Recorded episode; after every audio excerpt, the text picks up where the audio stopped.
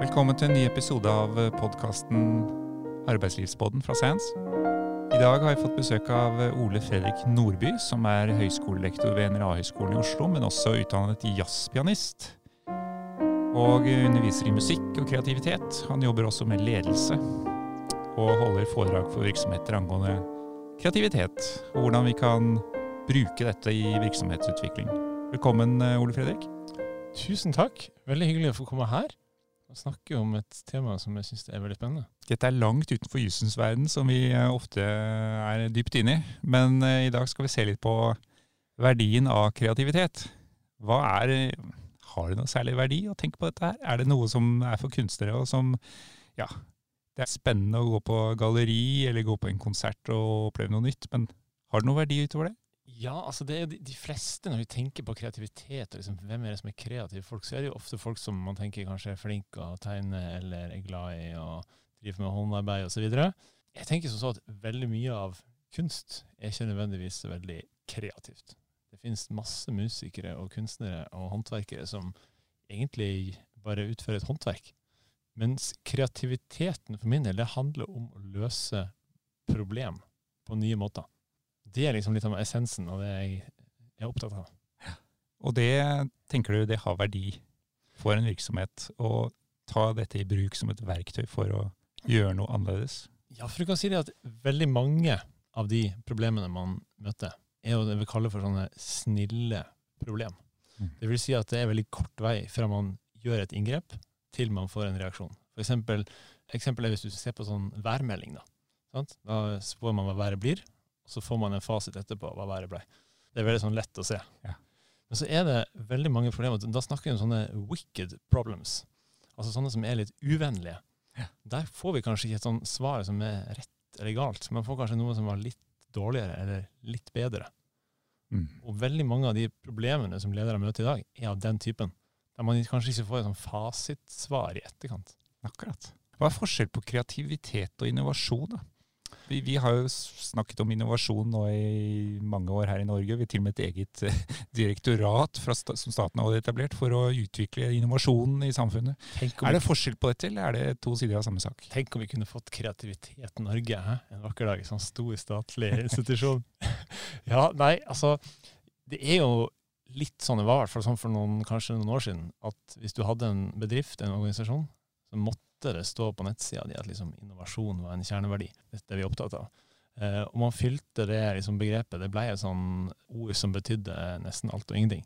Eh, og i, både i sånn forskning og i dagligtale så brukes jo disse begrepene litt om hverandre. Man forsker på innovasjon, så er det noen som bruker begrepet kreativitet. Men for min del så hjelper det å tenke litt på innovasjon. Det er handling, det er noe vi gjør. Ofte man setter i gang en eller annen prosess. og Mange av de har jo fått sånne flotte amerikanske navn med lean og alle disse her innovasjonsmetodikkene. Mens kreativiteten, det er en evne. Mm. Så liksom Det er den, forskjellen som jeg liker å ha. det er at liksom Det ene er en handling, og det andre er en evne. Og den evnen må du ha med deg, selv om du driver med innovasjon. Mm. Men den kan du også ha med deg når du driver med litt mer sånn hverdagslige ting òg. Mm. Og småting på jobben som må løses. Akkurat. Og kreativiteten det er en evne som kan utvikles, eller er det sånn at du blir født med det, og sånn blir det? Det har jo vært litt sånn mytisk, dette her med kreativitet. at Tidligere så var det jo sånn at det var noen som hadde den her guddommelige inspirasjonen. Så kom det til de utenfra, så var de kunstnere. Og man har også forska liksom på er det her noe genetisk. Er det noen mennesker som er genetisk anlagt for å være kreative? Er det noe som liksom går i arv? Man finner ingen indikasjoner på det. Eh, man finner at det er noen personlighetstrekk som kan være fordelaktig å ha. Men veldig mye av det som handler om kreativitet, kan læres. Ja, Så det er håp for alle? Det er håp for de fleste, i hvert fall. Selv på dette området. Man hører liksom at musikere ja, de er musikalske fra starten av, og det ligger i blodet. og det, Sånn er det bare. Og jeg er ikke musikalsk, så jeg kan det ikke. Ja, det, er jo veldig mange som tenker sånn. Altså, når, og jeg har jo jobba i mange år som pedagog og lærer, og spesielt når jeg i starten når jeg underviste barn, og sånn, så kom det alltid en mor eller en far liksom, ja, har barnet mitt talent? De var liksom interessert i å vite det, for om det her var vits å holde på med. og da, da, er jo egentlig det svaret at det er liksom ikke så, så viktig å fokusere på det. Fordi det er liksom mer den her interessen og den her nysgjerrigheten mm. som er det viktige. Er det andre myter omkring kreativitet? Ja, det er jo fryktelig masse myter, og det, mange av de henger jo sammen med den her gale kunstnermyten som uh, Goethe liksom bygde opp under sant? det her rare geniet som sitter på nattestid og gjerne har litt uh, sliten mental helse og er liksom helt i ytterkanten av samfunnet, og at alle er forut for sin tid og blir misforstått i sin samtid. Veldig mange av det her er sånne myter som egentlig ikke stemmer i det hele tatt. Mm. Hvem er mest kreative, da? Er det ferskingene, de små, iblant oss? Eller er det, kan man snakke om en form for ekspertise på kreativitet? Ja, det som er liksom en sånn utrolig viktig sak på kreativitet, det er det at det er domenespesifikt. Det vil si at det er ikke sånn at liksom, hvis en person er kreativ, så kan du putte den inn hvor som helst, og det vil komme masse nye ideer og nye løsninger på alle problemene og sånn. Fordi det er knytta til et fagfelt. Mm. Så det er en sånn blanding av fagspesifikk kunnskap og en del sånne personlighetstrekk som er viktig. Men hvis du skal liksom ha ett tips på hvordan du kan bli mer kreativ, så er det å lære enda mer om faget ditt. Og bli enda mer nerd. Det er liksom sånn. Akkurat. Ja, Så det er håp for alle sånne faggeeks der ute som har lyst til å så det, det, er ikke fare for at det snevrer inn ideene dine? Snevrer inn hvordan du tenker rundt faget? Jo, det er en fare for det det er jo eh, litt dette her med Med en gang du får en ekspertise, så har du jo investert fryktelig masse i det. Sånn, man har brukt masse tid og krefter og kanskje penger på å få seg en utdannelse, og mm. har veldig masse prestisje knytta opp til det å være en ekspert. Mm. Og så er det jo det at når vi kjenner liksom igjen dette her fra atferdsøkonomien med sånn risikoaversjon og tapsaversjon, så blir man veldig redd for å Hvis man innser at ok, den kunnskapen jeg har nå, det, det som er min ekspertise, jeg må kanskje endre på den den er ikke verdt så mye som den var før. Da blir man litt sånn engstelig. Og Da mm. kan man begynne liksom å tviholde litt på en del kunnskap som man kanskje skal begynne å gå litt vekk ifra. Men hvis man klarer å være veldig åpen for å lære nye ting, mm. også har den der ydmykheten på at en del ting må man kanskje bare legge av seg, mm. så er det liksom den der ultimate middelveien. Akkurat. Så det er et samspill her. Hvis man skal snakke om kreativitet i en profesjonell sammenheng, da. Ja. Mm. Hvorfor er det viktig med kreativitet for dagens ledere? Er det gjort noen undersøkelser rundt dette her, Ole Fredrik? Ja, i det som måtte være gullåret for oss som brenner for kreativitet, var 2011. For da kom det en sånn stor undersøkelse fra IT-selskapet IBM. De hadde spurt 1200 ledere hva er det viktigste lederegenskapen.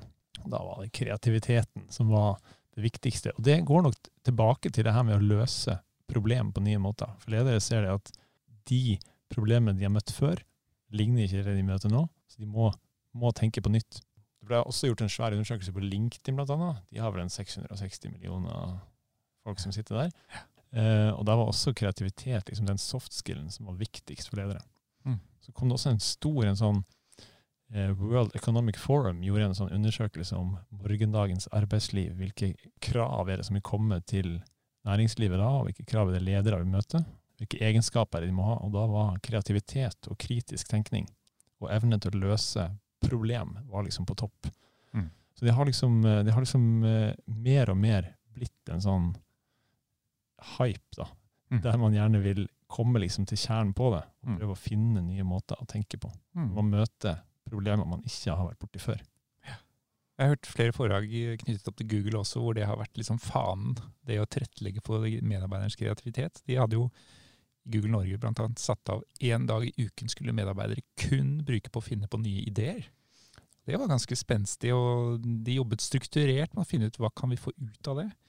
Eh, og det Google også gjorde tidlig med å la alle leke med logoen deres, var jo helt uhørt i amerikansk tradisjon, helt fram til Google gjorde det. Og alle fikk jo se en ny logo hver dag, basert på Googles bokstaver. Ganske modig tilnærming. Ja, og det Google har gjort, altså de, de har jo, det har jo blitt en sånn sett av 20 Det er ganske mye av arbeidsdagen til å holde på med det. Mm. Men likevel så er det, det er ikke sånn at Google har satt liksom gjør hva du vil og bare bruk den dagen. De stiller også veldig krav til at du skal liksom presentere ting og sette korte tidsfrister. Sånn at det er en sånn derre det er en sånn der system bak der som er med å bygge opp en okay, Du har fått tida. Du må liksom komme opp med noen ideer og liksom bli um, tvunget da, til å prøve å komme opp med nye ting. Og det er litt kult. Akkurat. Så de tvinger fram nye ideer? La oss si de oppfordrer veldig da, til det. Og, og de liksom tar vekk altså Det er ikke så farlig altså, om den ideen du kommer med, ikke blir en salgssuksess. Men de Mm. vil ha masse ideer på bordet. Mm. Så det er ikke bare sånn at de liksom gir de en dag i uka de kan holde på med hva som helst. Men får de én vellykket idé ut av 100, så kan det være verdt det.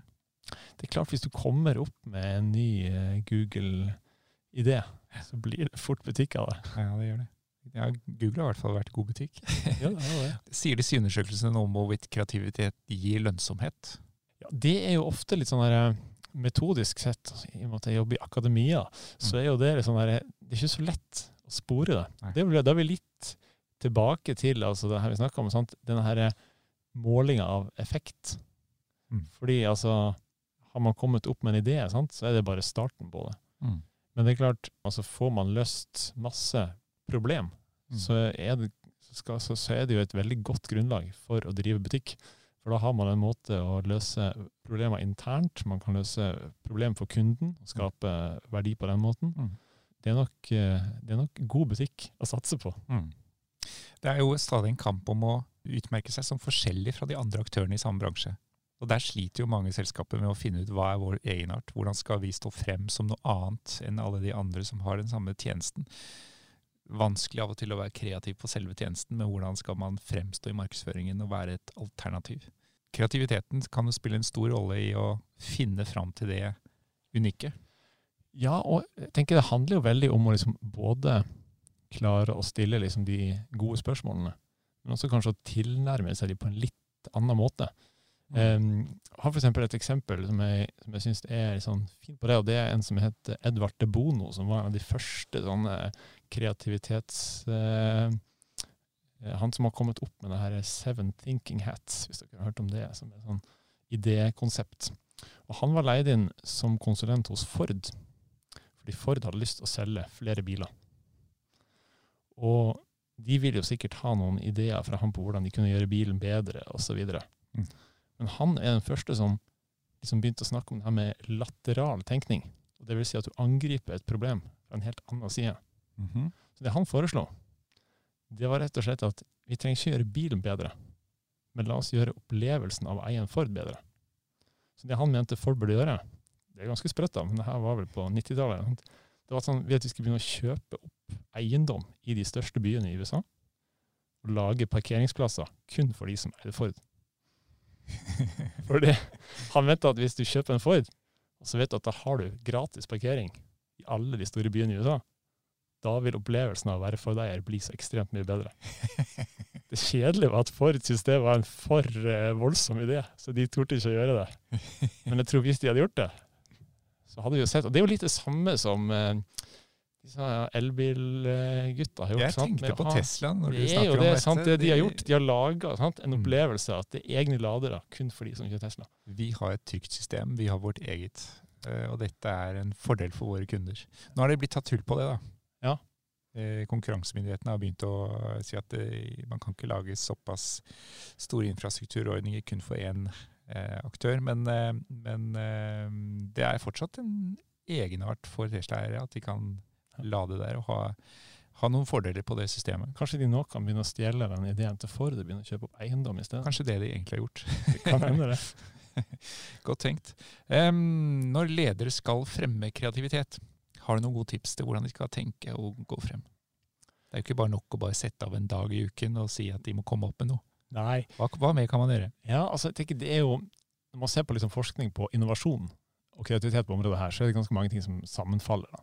For det er jo som vi snakker om dette her med idétid, som vi snakker om med disse gutta borti Google, sant? som har løfta det veldig opp. Det å ha tid, rett og slett, til å sette seg ned og tenke. Um, jeg var på et sånn forskningsprosjekt når jeg skrev min mastergrad om kreativitet, og da var jeg inne i offentlig sektor. Og der var det fryktelig mange som hadde masse ideer, men de hadde jo aldri tid til å følge opp en eneste en av dem. Og det er liksom denne, det å vite at man har litt tid. Og noen løser noen setter av en dag i uka, noen setter av ei helg i halvåret. Altså det er liksom de, de kan samle og bruke kun tid på liksom, nå skal vi finne på noe nytt. Så det å i hvert fall ha litt rom i hverdagen til å gjøre det, det tror Mm. jeg er viktig. Man, og, og, og da er man jo liksom inne på sånne HR-ting med jeg tenker Det er jo en ting man kan ta frem på medarbeidersamtaler og den type ting. Så har man nok tid til å liksom grunne litt og se disse lange tingene. Så, så, så med å liksom se på tendenser, er det ting vi kunne gjort annerledes? Er det ting som ikke funker? Mhm. For Hvis man begynner å stille de spørsmålene, så er det jo alltid ting man går og irriterer seg over, eller man sitter og tenker med seg sjøl at det hadde vært fint å gjort. Mm. Men man har aldri tid til å gjøre det. Mm. Det tenker jeg er en sånn fin greie. Og så er det jo dette her med risiko. fordi jeg pleier å si det at det å være kreativ er litt som å steke pannekaker. og det vil si at når du steker pannekaker, så blir jo aldri den første pannekaka den blir jo aldri bra.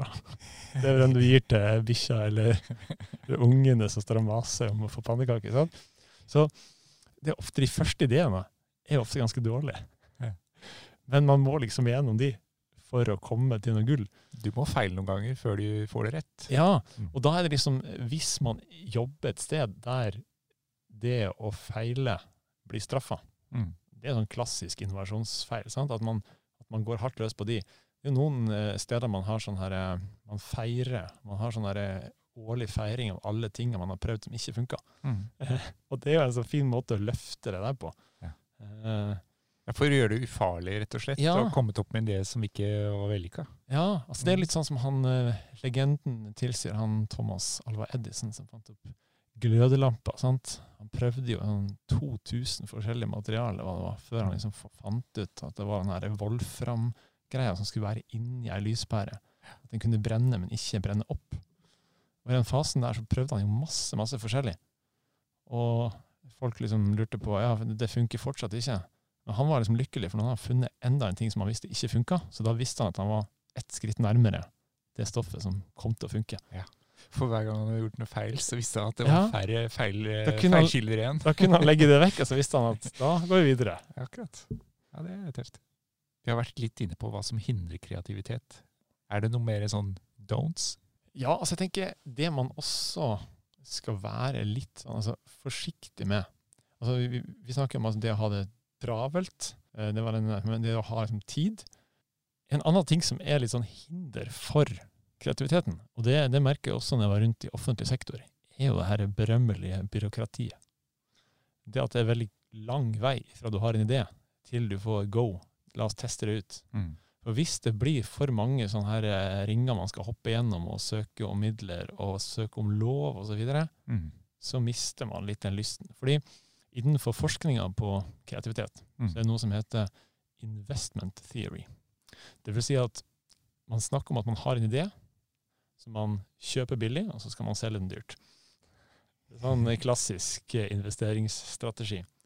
Men hvis kostnadene ved å foredle ideen blir for stor, hvis det blir for mange ting man må gå gjennom, at det tar enten for lang tid, eller man må liksom tåle å få kjeft fra sjefen og sjefen til sjefen, og liksom hele den greia der, Mm. så blir kostnaden ved å investere på ideen så Mm. høy at man lar være å gjøre det. Så det er liksom å få vekk disse her kreative investeringskostnadene. Det kan være et generelt tips til folk som har lyst til å få kreativitet fram. Akkurat. Eh, Apropos det der, så har jeg hørt en historie om VIPS og hvordan VIPS ble til. Oi.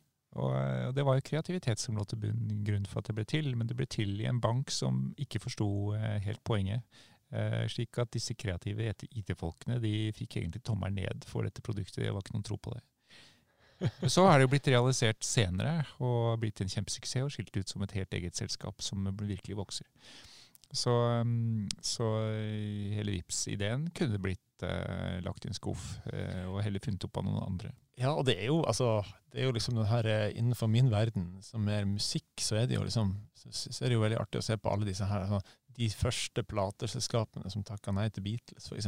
Ja. Altså, det er jo litt det samme. Her kommer det noen som, som man i- men, Og det er jo litt lett å si i etterpåklokskapens lys, da, at for all verden signer ikke Beatles.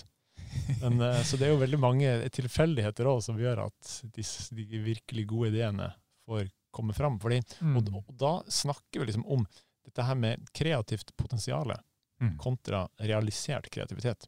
Mm. Um, fordi veldig mange går rundt med et stort kreativt potensial. Men så legger de kanskje noen sperrer på seg sjøl, eller at de er i et miljø der det aldri får liksom blitt realisert. Mm. Og det er jo utrolig mange folk som går rundt og har en eller annen tanke om at de har en eller annen startup-idé som er helt fantastisk. Mm. Og så går de og har den tanken så mye i hodet og tenker hvor genialt det her blir, men ingenting skjer. sant? Mm. Så det kan hende at potensialet er kjempestort, men så, hvis det ikke blir realisert, så har det jo ikke sånn ekstrem verdi. Så det kan godt være ganske mange superideer som bare forsvinner, går i graven med folk som aldri får tid eller har ressurser til å realisere det som faktisk kunne blitt en suksess. Det er jo det, og så er det jo, så er det jo veldig mange ideer som er dårlige ideer. Det er Og, jo- så ja. det er jo det, og det. Men det, det, er jo det som er den lille catchen her, sant? fordi Mm. man vet jo ikke helt. Nei. Og Det er jo derfor den store talls lov er så viktig når man jobber med ideer og kreativitet. Altså, få alle ideene opp, og liksom få det på bordet, og så må man begynne å velge ut noen man går for. Og da kan det hende at man velger feil, eller man velger riktig. Det, det vet man ikke helt. Nei, det er også en risiko.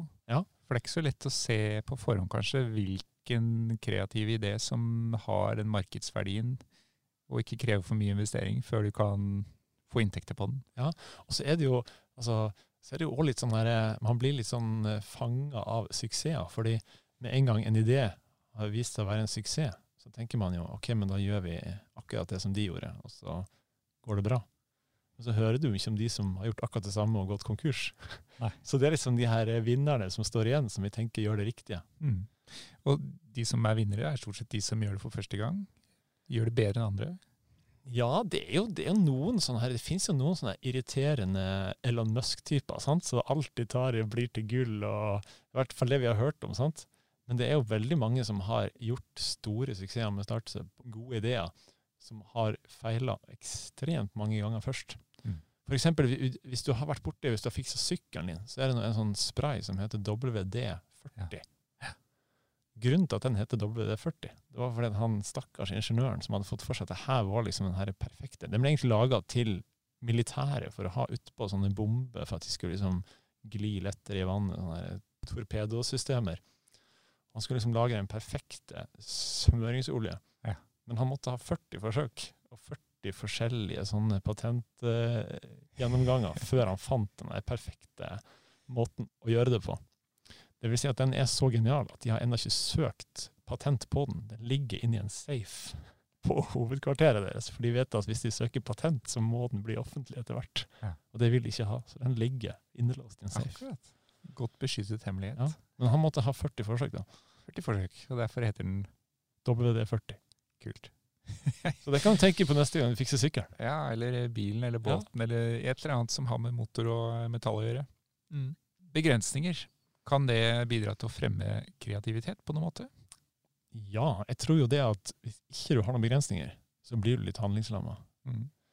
Han eh, komponisten Stravinskij han har blitt sitert på at hvis du ber han Han var en av de som virkelig store, klassiske komponistene i nyere tid.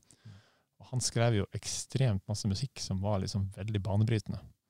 Og han fikk spørsmål om, og han sa det at hvis du ba han bare skrive noe musikk, så klarte han ingenting. Men hvis du ba han skrive for f.eks. fem eh, tromboner, to pauker og et danseorkester, eller noe sånt, da kunne han ha det klart på et øyeblikk. Eh, Fordi at med en gang du har noen rammer, da, sant? så må du begynne å tenke på nytt. For da kan du ikke gjøre alt det du har gjort før. Mm. Eh, og det gjelder jo i organisasjoner, det gjelder i kunst, og det gjelder i alle mulige ting. Ungene mine de pleier å se på Katten med hatten. Ja. Har du hørt om Katten med hatten? Jeg har ikke det, men jeg Ikke vet mange har det. Ja. Katten med hatten er jo en sånn barnebok skrevet av han doktor Sus, eller Theodor Geisel, som han egentlig het. Mm. Og han var en litt sånn skrue som skrev masse barnebøker. Egentlig Amerikas eh, Torbjørn Egner eller Akkurat. Astrid Lindgren. Ja. Um, og han, hadde, han har skrevet de sånne her eh, Grinchen som stjal julen, som har blitt den filmen med Jim Carrey og så videre. Ja. Den boka. Um, og han skrev ei bok som het Green Eggs and Ham. Mm. Og da fikk han en oppgave fra forlagssjefen om å skrive ei bok der han kun fikk lov å bruke 50 ord. Så hele boka er lagt opp med kun 50 ord. Og det ble en sånn der eh, befrielse for han, for da hadde han et eller annet å jobbe med. Så Katten med hatten, også ble en sånn suksess, inneholder kun 236 ord som han bruker i masse forskjellige kombinasjoner. Akkurat. Og han, han mente det at if you're somebody who writes or paints, don't be afraid to use constraints. Det var liksom hans tese som forfatter, da. For han mente at han måtte ha noen sånne begrensninger for å tenke på nytt. Akkurat. Tvinges ut av det vanlige sporet. Tvinges over i å bruke helt andre skal jeg si, premisser for hva du skal tenke ut fra.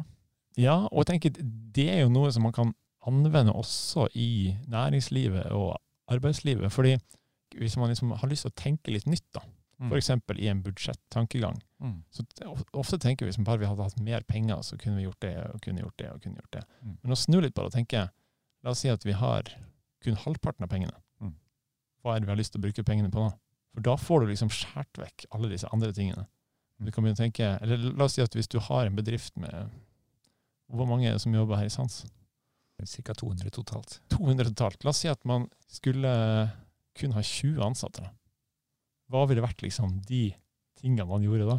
Som en sånn øvelse, prøve å tenke mye mindre. For da får man liksom kartlagt litt det man tenker er viktig, og det man skal satse på osv. Eller at man bare, hvis man driver med en, i salg, du får kun lov å selge én ting eller to ting. Mm. Hvordan ville du gjort det? Mm. Sånne ting tenker jeg er litt sånn fine ting. Og det er jo begrensninger er jo noe som man bruker i musikken òg veldig masse, når man skal skrive musikk og ikke minst improvisere. Ja. På hvilken måte? Vil du vise oss eh, noen eksempler, kanskje? OK, la oss prøve Siden det, vi sitter her ved pianoet. Vi har jo et instrument her, så da må vi jo teste det. Når vi snakker om improvisasjon, så tenker vi jo ofte at da, det liksom, da kan man spille hva som helst. Mm. Men med en gang man kan spille hva som helst, så blir man litt sånn handlingslamma, for hvor skal man begynne da? Mm. Så derfor så er det en sånn, for min del da, um, det å sette noen grenser, når man, spesielt når man øver på det, Mm. fordi improvisasjonen man øver på, for de som tenker at man ikke må det, så tar man helt feil. Improvisasjon er fryktelig masse øving, da man skal teste ut ting, og så er det noen ting som funker, og noen ting som ikke funker.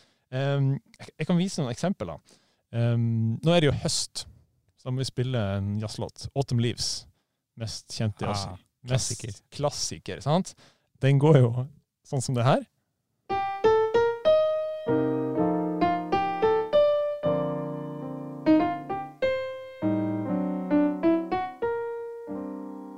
Er starten på Autumn Leaves. Ja. Eh, du har en melodi og noen akkorder. Og så når du da skal improvisere rundt det, så kan du jo gjøre veldig masse forskjellig.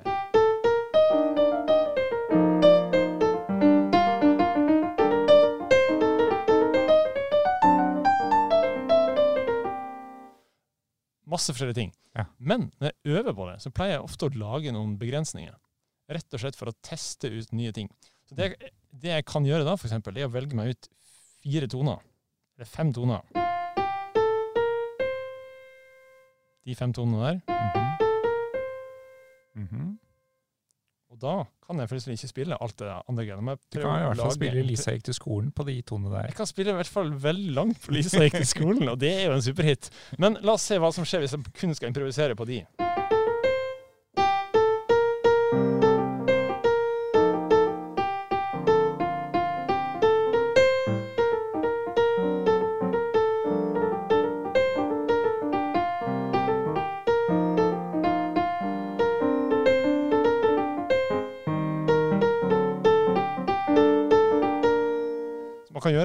Ganske mye Mm. med fem toner. Mm. La oss teste noen andre toner. Vi kan ta eh, de tonene her, eksempel. Det er ikke sikkert det funker. Vi kan prøve.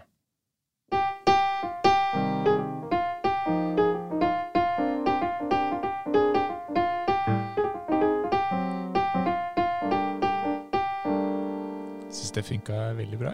Det funker på et vis. Og sånn jobber man med improvisasjon. At man, man avgrenser hva det er man øver på. Så tester man ut masse ting. Mm. Og så når man da kommer på studio eller på jazzklubben, så glemmer man alle de der greiene der. Mm. Men likevel, da har man testa ut så mange områder man kan liksom leke seg på, Mm. at da blir det en helt annen improvisasjon enn hvis man bare hadde spilt de samme greiene. For hvis du kan gjøre hva som helst, så går du ofte de veiene du syns er mest komfortabel. Du havner i vanesporet. Da blir det vaner ut av det. Og Mm. jeg var og gjorde en sånn um, dag i studio der, der jeg skulle gjøre en innspilling. Og da skulle vi eh, spille en pianoinnspilling. Skulle sitte en hel dag og bare komme opp med solopianostykker uten at noen ting var laga på forhånd. Mm. Og det går jo veldig fint når man kanskje gjør de tre, fire, fem, seks, sju første låtene. Men så begynner man å tenke ok, nå må jeg finne på noe nytt. Og da merker jeg at da måtte jeg ha noen sånne constraints, noen rammer, Ja. som jeg kunne liksom være en begrensning. Så da fikk jeg han som var tekniker i studio, til å sitte og begynne å fortelle om bøker han hadde lest, og uh, filmer han hadde sett. Mhm. Og så skulle jeg prøve å lage musikk til det som boka eller filmen handla om. Ja. Jeg, husker, jeg husker jeg måtte spille et stykke som visstnok skulle handle om en sånn svensk uh, sær kunstfilm. Som handla om et ektepar som bodde på en gård. Der kona syntes det var skummelt å gå på utedoen på natta. Så Mhm. mannen måtte sitte utafor på en stubbe, og så hadde de sånne samtaler gjennom døra på utedoen. Den var den jeg hadde i bakhodet når jeg skulle lage musikk til det. Sånn at man, man skal liksom prøve å tvinge seg til å finne et eller annet man kan spille på. Mm.